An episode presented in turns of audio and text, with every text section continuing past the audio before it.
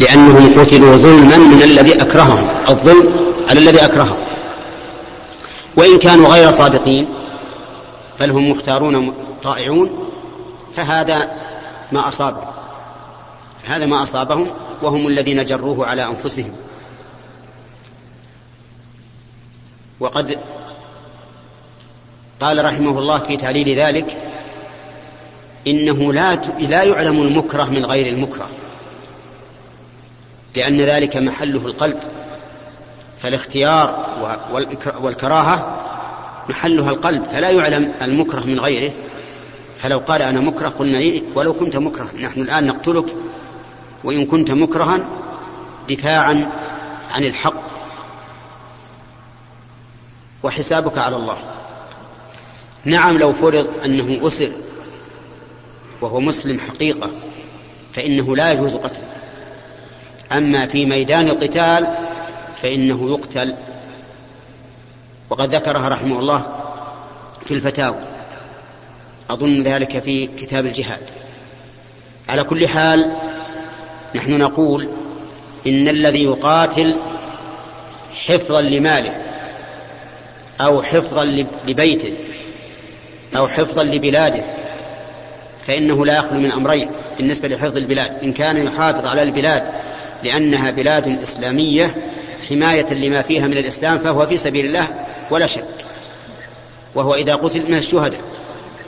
وإن كان يحافظ عليها لأنها بلده لا يريد أن يضيع كما لا يريد أن يضيع ماله. فهذا إن قتل فهو شهيد كما قال النبي عليه الصلاة والسلام وقاتله إن قتل المقاتل فهو في النار والعياذ بالله. وقوله تعالى في سبيل الله يشمل إعطاء الزكاة للمجاهدين أنفسهم وشراء الأسلحة لهم. فشراء الأسلحة من الزكاة جائز. من أجل الجهاد في سبيل الله. قال أهل العلم ومن ذلك أن يتفرغ شخص لطلب العلم. قادر على التكسب لكنه تفرغ من أجل أن يطلب العلم فإنه يعطى من الزكاة مقدار حاجته لأن طلب العلم جهاد في سبيل الله. أما من تفرغ للعبادة فلا فلا يعطى من الزكاة بل يقال اكتسب. وبهذا عرفنا شرف العلم على العبادة. فلو جاءنا رجلان أحدهما دين طيب حبيب. يقول أنا أستطيع أن أتكسب لكن أحب أن أتفرغ للعبادة للصيام والصلاة والذكر وقراءة القرآن. فأعطوني من الزكاة وكفوني العمل. نقول لا نعطيك. اكتسب. وجاء رجل آخر قال أنا أريد أن أتفرغ لطلب العلم. أنا قادر على التكسب لكن إن ذهبت أن أتكسب لم أطلب العلم. أعطوني ما يكفيني من أجل أن أتفرغ لطلب العلم. قلنا مرحبا. نعطيك ما يكفيك لطلب العلم.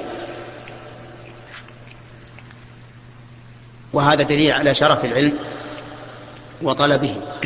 ويأتي إن شاء الله بقية الكلام عن الحديث. بسم الله الرحمن الرحيم. الحمد لله رب العالمين.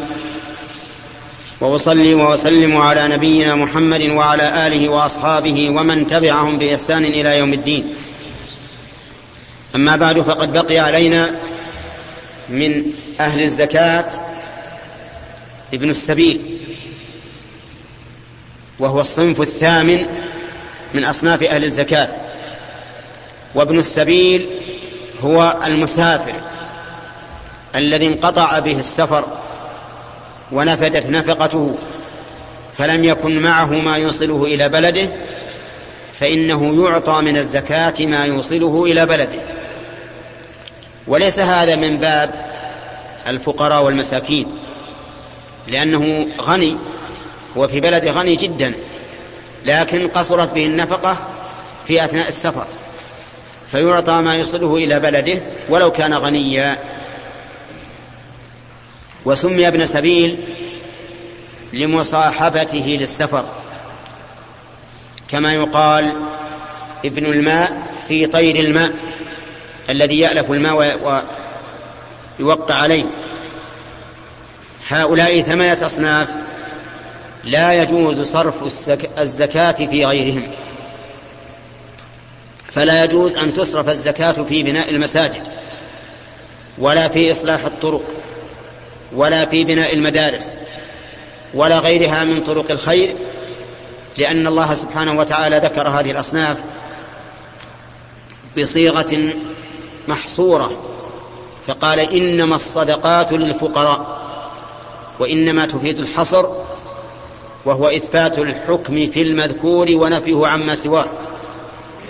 ولو قلنا بجواز صرف الزكاة في جميع وجوه الخير لفاتت فائدة الحصر.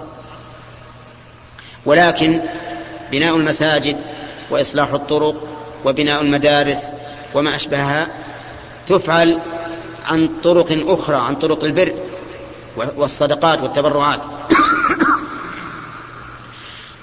هذا هو الركن الثالث من أركان الإسلام الذي ذكره النبي صلى الله عليه وسلم لجبريل في حديثه الطويل. أما الرابع فهو صوم رمضان وهو الشهر الذي بين شعبان وشوال. وسمي رمضان قيل لأنه كان أول تسمية الشهور صادف أنه في شدة الرمضاء والحر فسمي رمضان. وقيل لأنه تطفأ به حرارة الذنوب لأن الذنوب حارة ومن صام رمضان إيمانا واحتسابا غفر الله له ما تقدم من ذنبه. والمهم أن هذا الشهر معلوم للمسلمين ذكره الله سبحانه وتعالى باسمه في كتابه فقال شهر رمضان الذي أنزل فيه القرآن ولم يذكر الله اسما لشهر من الشهور سوى هذا الشهر. صيام رمضان ركن من أركان الإسلام لا يتم الإسلام إلا به ولكنه لا يجب إلا على من تمت فيه الشروط الآتية. أن يكون مسلما أن يكون بالغا عاقلا مسلما قادرا مقيما سالما من الموانع. هذه ستة شروط فإن كان صغيرا لم يجب عليه الصوم. وإن كان عاق... مجنونا لم يجب عليه الصوم. وإن كان كافرا لم يجب عليه الصوم. وإن كان عاجزا فعلى قسمين. إن كان عجزه يرجى زواله كالمرض الطارئ أفطر ثم قضى أياما بعدد ما أفطر. وإن كان عجزا لا يرجى زواله كالكبر والأمراض التي لا يرجى برؤها فإنه يطعم عن كل يوم مسكينا مقيما ضده المسافر فالمسافر ليس عليه صوم ولكنه يقضي من أيام أخر. سالما من الموانع احترازا من الحائض والنفساء فإنهما لا لا يجب عليهما الصوم بل ولا يجوز أن يصوما ولكنهما تقضيان.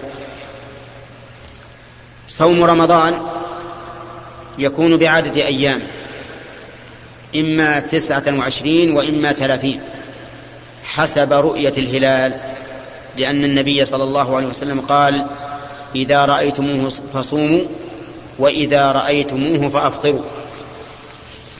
فإن غم عليكم فأكملوا العدة ثلاثين. عدة شعبان إن كان في أول الشهر وعدة رمضان إن كان في آخر الشهر.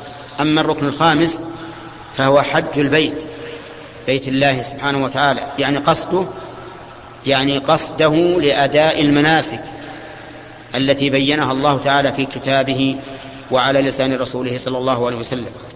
فحج البيت أحد أركان الإسلام. ومن حج البيت العمرة. فإن النبي صلى الله عليه وسلم سماها حجا أصغر ولكن له شروط منها البلوغ والعقل والإسلام والحرية والاستطاعة خمسه شروط. فإذا اختل شرط واحد منها فإنه لا يجب.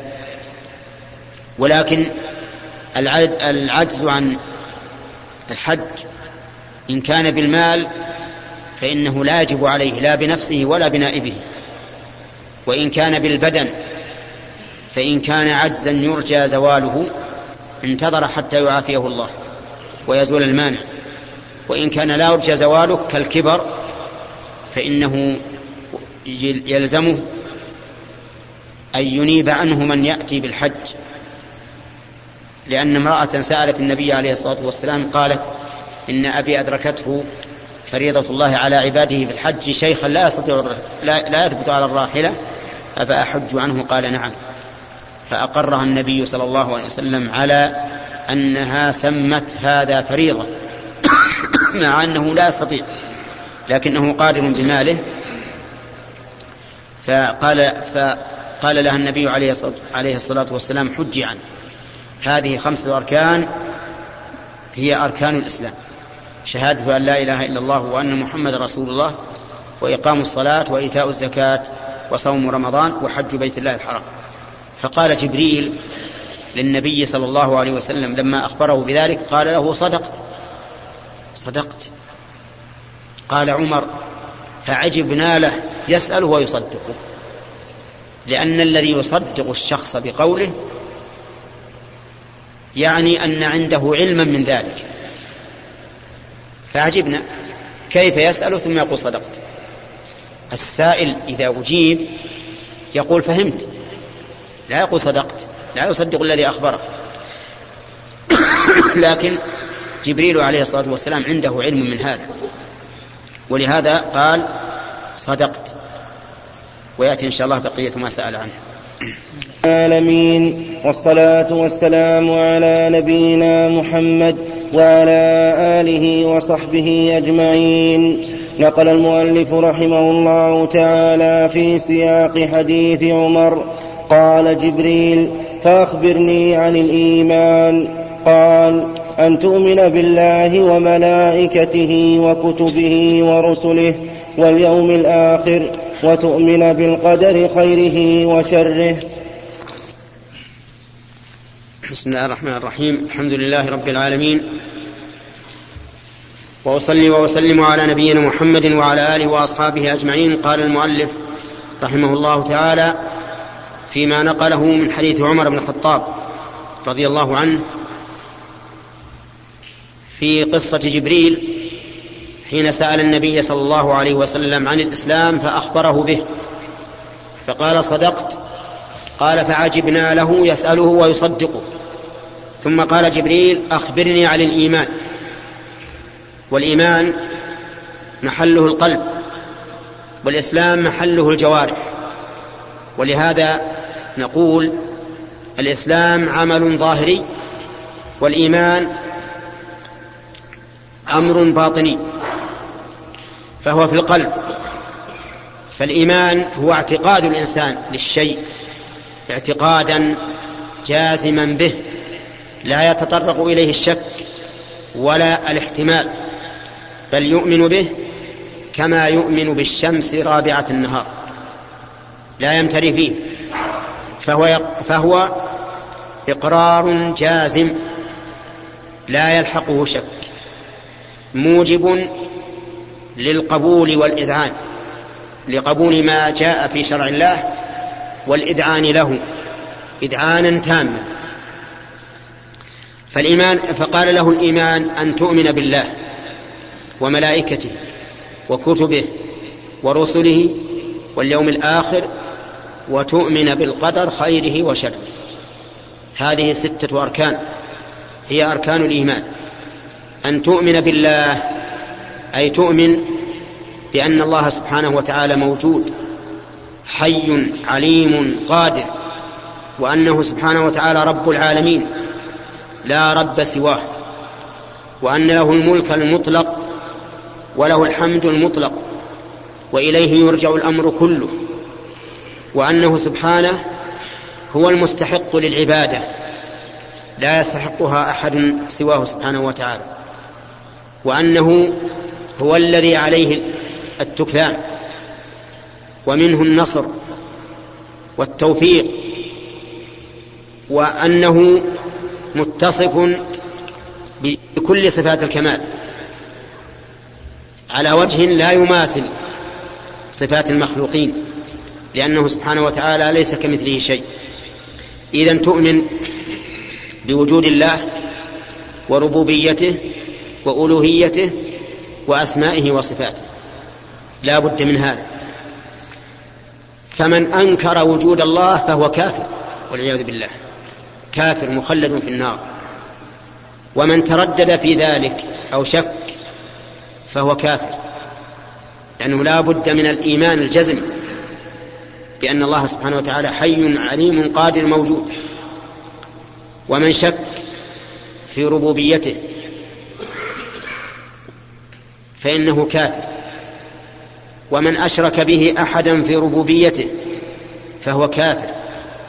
من قال إن الأولياء يدبرون الكون ولهم تصرف في الكون فدعاهم واستغاث بهم واستنصر بهم فإنه كافر والعياذ بالله لأنه لم يؤمن بالله. ومن صرف شيئا من أنواع العبادة لغير الله فهو كافر. لأنه لم يؤمن بانفراده بالألوهية.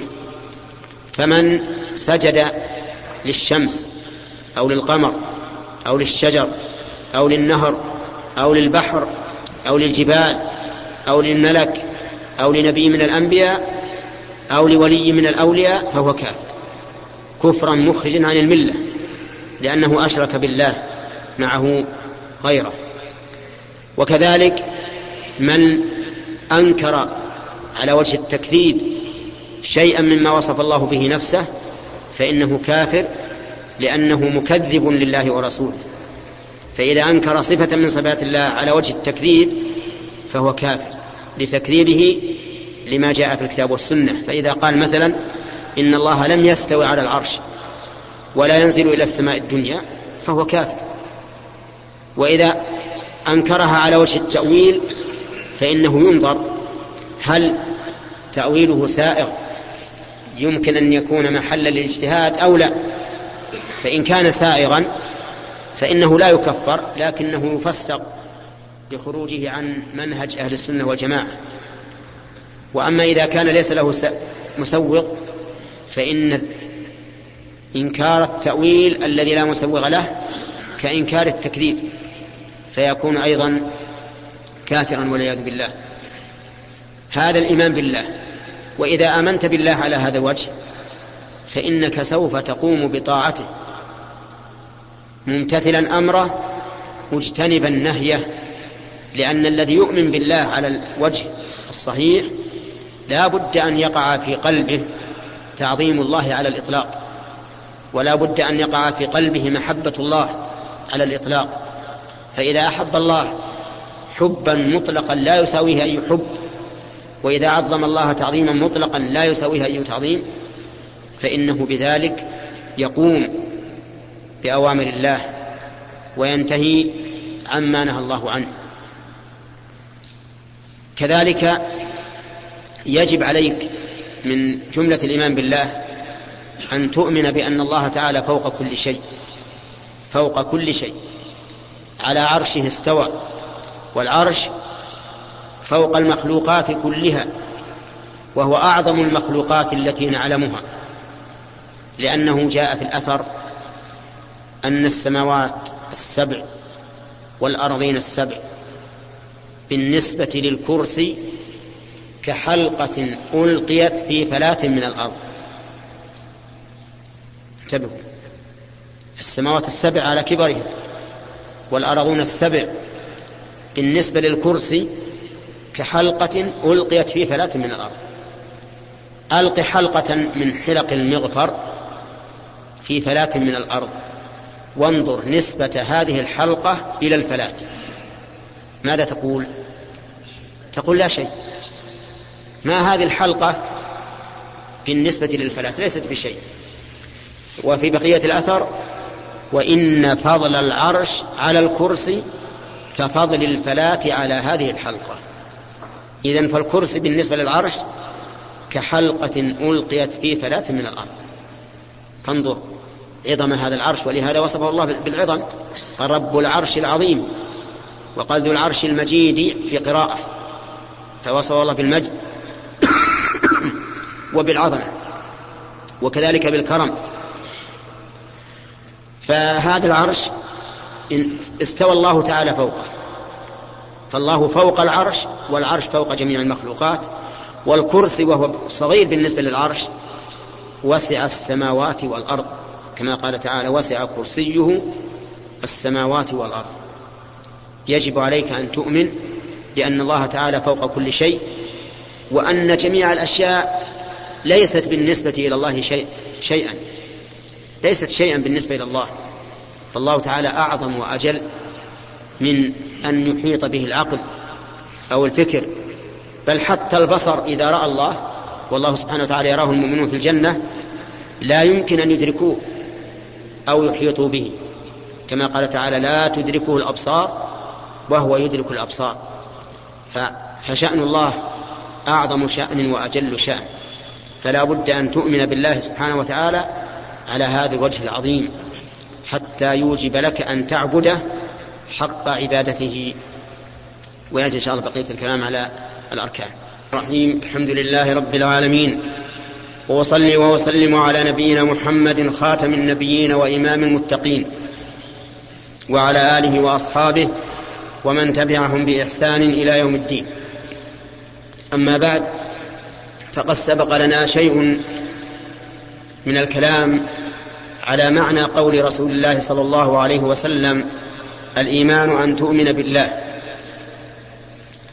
وذكرنا ما تيسر من ذلك ونحن نكمل أيضا ما تيسر في هذا الدرس. فإن من الإيمان بالله أن تؤمن بأن الله تعالى قد أحاط بكل شيء علما وأنه يعلم خائنة الأعين وما تخفي الصدور ويعلم ما في السماوات وما في الأرض من قليل وكثير وجليل ودقيق. إن الله لا يخفى عليه شيء في الأرض ولا في السماء. وكذلك تؤمن بأن الله تعالى على كل شيء قدير وأنه إذا أراد شيئا فإنما يقول له كن فيكون مهما كان هذا الأمر. وانظر وانظر إلى بعث الناس وخلق الناس. خلق الناس ملايين. لا يحصيهم إلا الله عز وجل. وقد قال الله تعالى ما خلقكم ولا بعثكم إلا كنفس واحدة. كل الخلائق خلقهم وبعثهم كنفس واحدة. وقال عز وجل في البعث فإنما هي زجرة واحدة فإذا هم بالساهرة. وترى شيئا في في آيات الله من آيات الله في حياتك اليومية فإن الإنسان إذا نام فقد توفاه الله كما قال تعالى وهو الذي يتوفاكم بالليل وفاة لكنها ليست وفاة تامة تفارق فيه الروح الجسد مفارقة تامة لكن مفارقة لها نوع اتصال بالبدن ثم يبعث الله الخلائق يبعث الله النائم. من نومه فيحس بأنه قد حي حياة جديدة. وكان أثر هذا يظهر قبل أن توجد هذه الأنوار الكهربائية.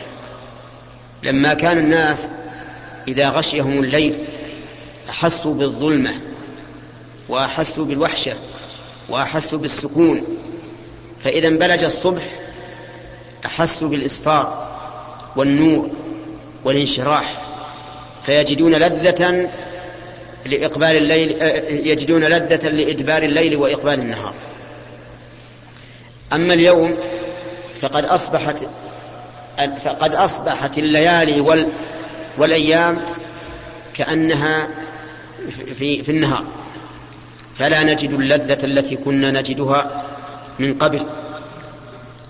ولكن مع ذلك يحس الإنسان بأنه إذا استيقظ من نومه فكأنما استيقظ إلى حياة جديدة. وهذه من رحمة الله وحكمته. وكذلك نؤمن بأن الله سبحانه وتعالى سميع بصير. يسمع كل ما نقول وإن كان خفيا. قال الله تبارك وتعالى أم يحسبون أنا لا نسمع سرهم ونجواهم؟ بلى ورسلنا لديهم مكتوبون. وقال الله عز وجل وهو يعلم السر وأخفى. يعني أخفى من السر وهو ما يكنه الإنسان في نفسه كما قال تعالى ولقد خلقنا الإنسان ونعلم ما توسوس به نفسه. ما تحدثه به نفسه يعلمه الله وإن كان لم يظهر للعباد. وهو عز وجل بصير. يبصر دبيب النمل الأسود على الصخرة السوداء في ظلمة الليل. لا يخفى عليه.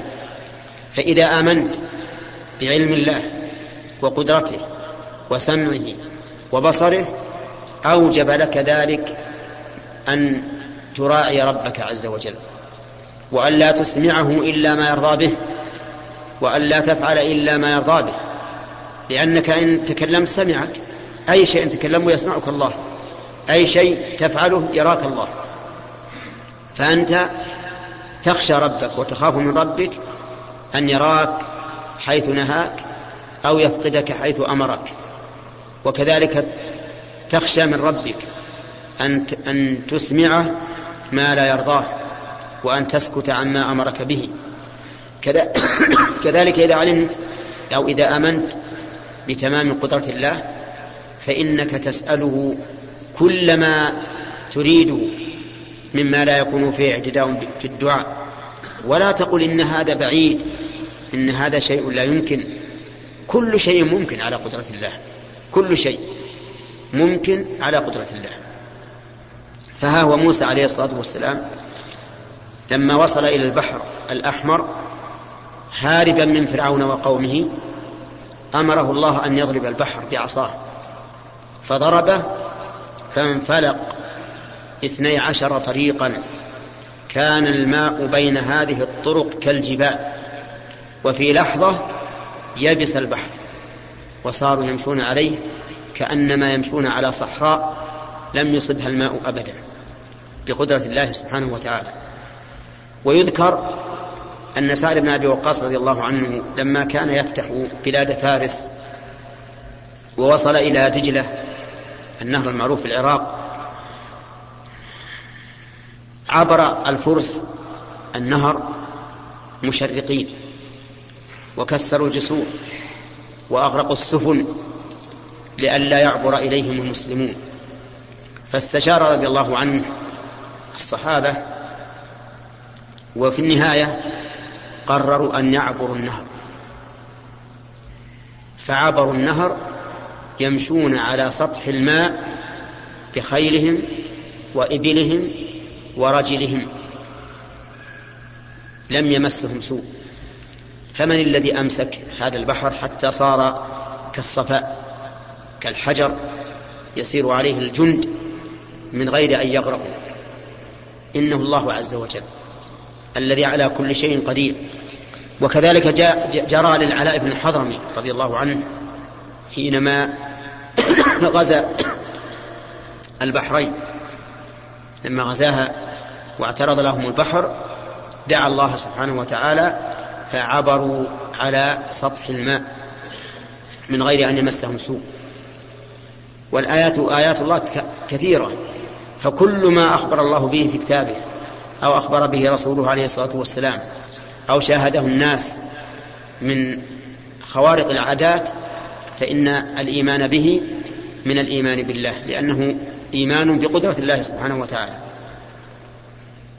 من الإيمان بالله سبحانه وتعالى أن تعلم أنه يراك فإن لم تكن تراه أن تعبد الله كأنك تراه فإن لم تكن تراه فإنه يراك. وهذه مسألة يغفل عنها كثير من الناس. تجد يتعبد لله وكأن العبادة أمر عادي يفعلها على سبيل العادة. لا يفعلها كأنه يشاهد ربه عز وجل. وهذا نقص في الإيمان ونقص في العمل. ومن الإيمان بالله أن تؤمن بأن الحكم لله العلي الكبير. الحكم الكوني والشرعي كله لله. لا حاكم إلا الله سبحانه وتعالى. وبيده كل شيء. كما قال الله تعالى قل اللهم مالك الملك تؤتي الملك من تشاء وتنزع الملك ممن تشاء وتعز من تشاء وتذل من تشاء. بيدك الخير إنك على كل شيء قدير.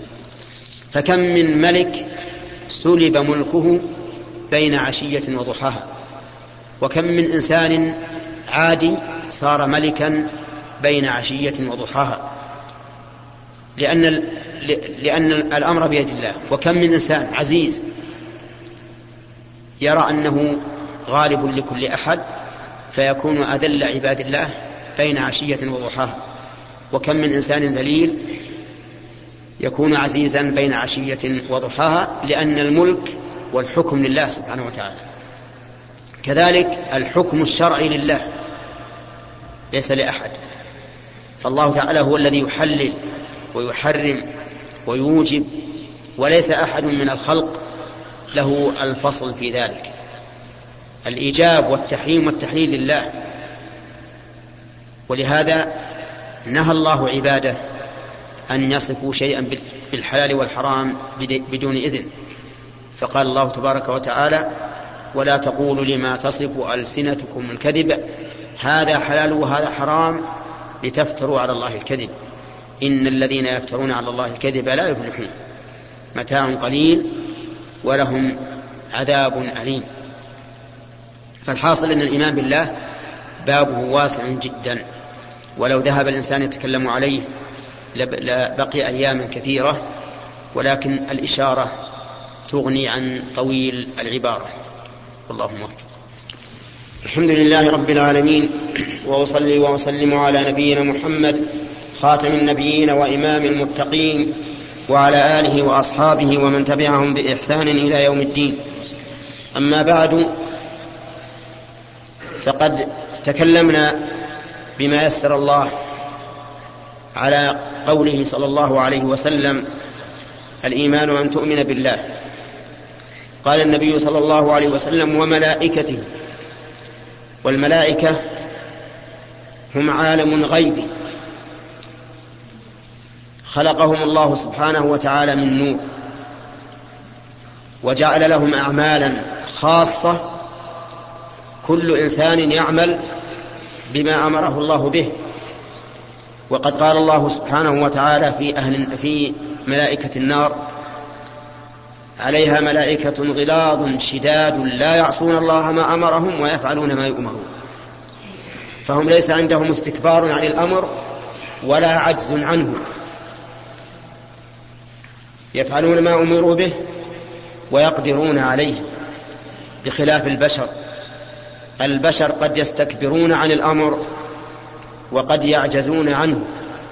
أما الملائكة فخلقوا لتنفيذ أمر الله. سواء في العبادات المتعلقة بهم أو في مصالح الخلق. فمثلا جبريل أشرف الملائكة موكل بالوحي ينزل به من الله على رسله وأنبيائه. فهو, فهو موكل بأشرف شيء ينتفع به الخلق والعباد وهو ذو قوة. أمين مطاع مطاع بين الملائكة. ولهذا كان أشرف الملائكة كما أن محمدا صلى الله عليه وسلم أشرف الرسل. قال الله سبحانه وتعالى علمه شديد القوى ذو مرة فاستوى وهو بالأفق الأعلى. يعني علم النبي صلى الله عليه وسلم القرآن شديد القوى يعني ذو القوى الشديدة وهو جبريل. ذو مرة أي ذو هيئة حسنة.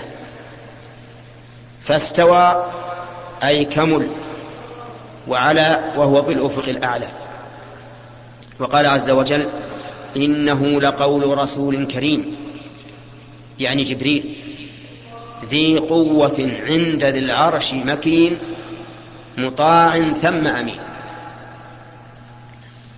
ومن هؤلاء أيضا من وكلوا بمصالح الخلق من جهة أخرى في حياة الأرض والنبات مثل ميكائيل. فإن ميكائيل موكل بالقطر يعني بالمطر والنبات وفيهما حياة الأبدان حياة الناس وحياة البهائم. فالأول جبريل موكل بما فيه حياة القلوب وهو الوحي وهذا موكل بما فيه حياة الأبدان وهو القطر والنبات. ومنهم إسرافيل. إسرافيل أحد حملة العرش العظام. وهو الذي وهو وهو موكل بالنفخ في الصور. الصور قرن عظيم دائرته كما بين السماء والأرض. ينفخ فيه إسرافيل فإذا سمعه الناس سمعوا صوتا لا عهد لهم به صوتا مزعجا فيفزعون ثم يصعقون يموتون. من شدة صوت هذا من شدة هذا الصوت. ثم ينفخ فيه أخرى. فإذا هم قيام ينظرون. تتطاير أرواح من هذا القرن من هذا الصور. ثم ترجع كل روح إلى بدنها الذي تعمره في الدنيا لا تخطئه شعره.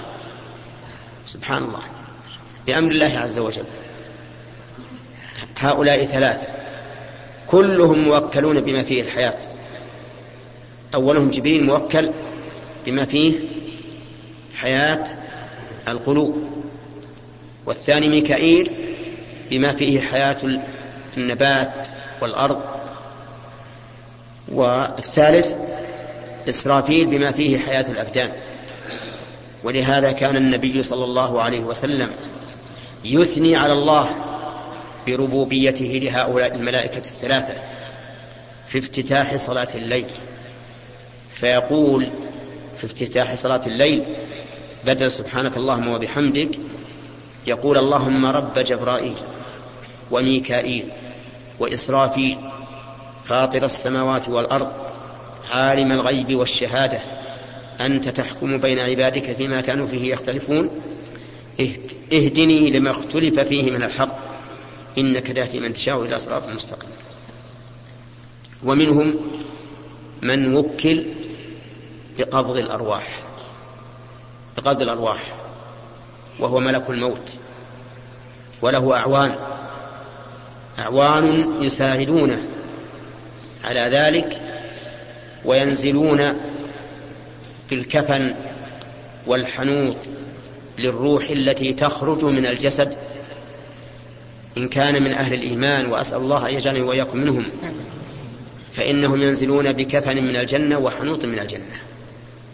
وإن كان والعياذ بالله من أهل النيران نزلوا بحنوط من النار وكفن من النار.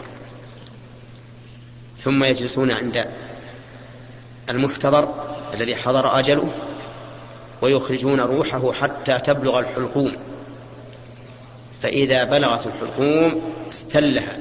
ملك الموت ثم أعطاهم إياها فوضعوها في الحنوط والكفن. الملائكة تكفن وتحنط الروح والبشر يكفنون ويحنطون إيش؟ البدن. شوف العناية بالله. العناية من الله بالآدم. ملائكة يكفنون روحه وبشر يكفنون بدنه. ولهذا قال الله تعالى حتى إذا جاء أحدكم الموت توفته رسلنا وهم لا يفرطون. لا يفرطون في حفظها ولا يفرطون فيها. ملك الموت أعطاه الله تعالى قدرة على قبض الأرواح في مشارق الأرض ومغاربها.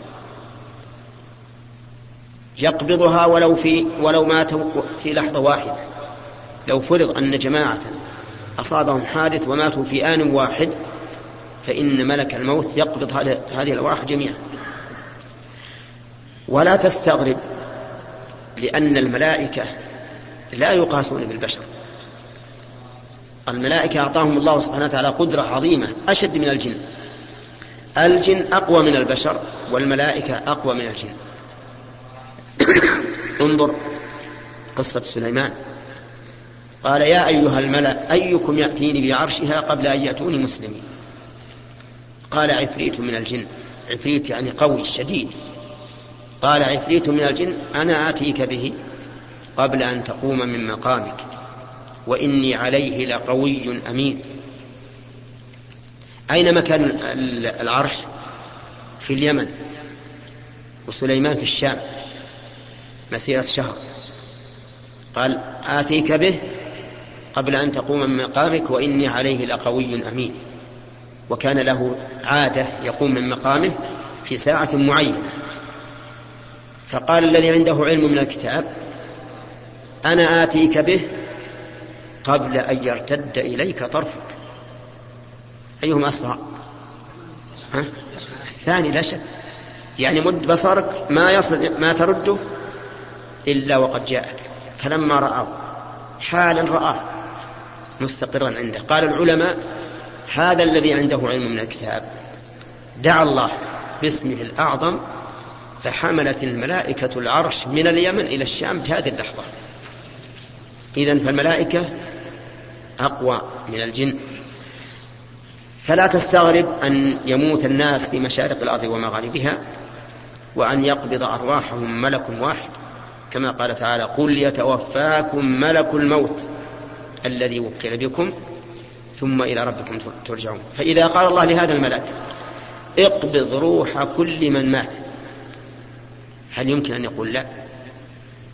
نعم لا يمكن. لا يعصون الله ما أمر. ولهذا لما قال الله للقلم اكتب. اكتب ما هو كائن إلى يوم القيامة. القلم جماد. كتب أو لم يكتب. كتب ما هو كائن إلى يوم القيامة. فالله عز وجل إذا أمر بأمر لا يمكن يعصى. إلا المردة من من الجن أو من بني آدم. أما الملائكة لا يعصون الله. على كل حال هؤلاء ثلاثة من أربعة من الملائكة. الخامس مالك. مالك. هذا الموكل بالنار.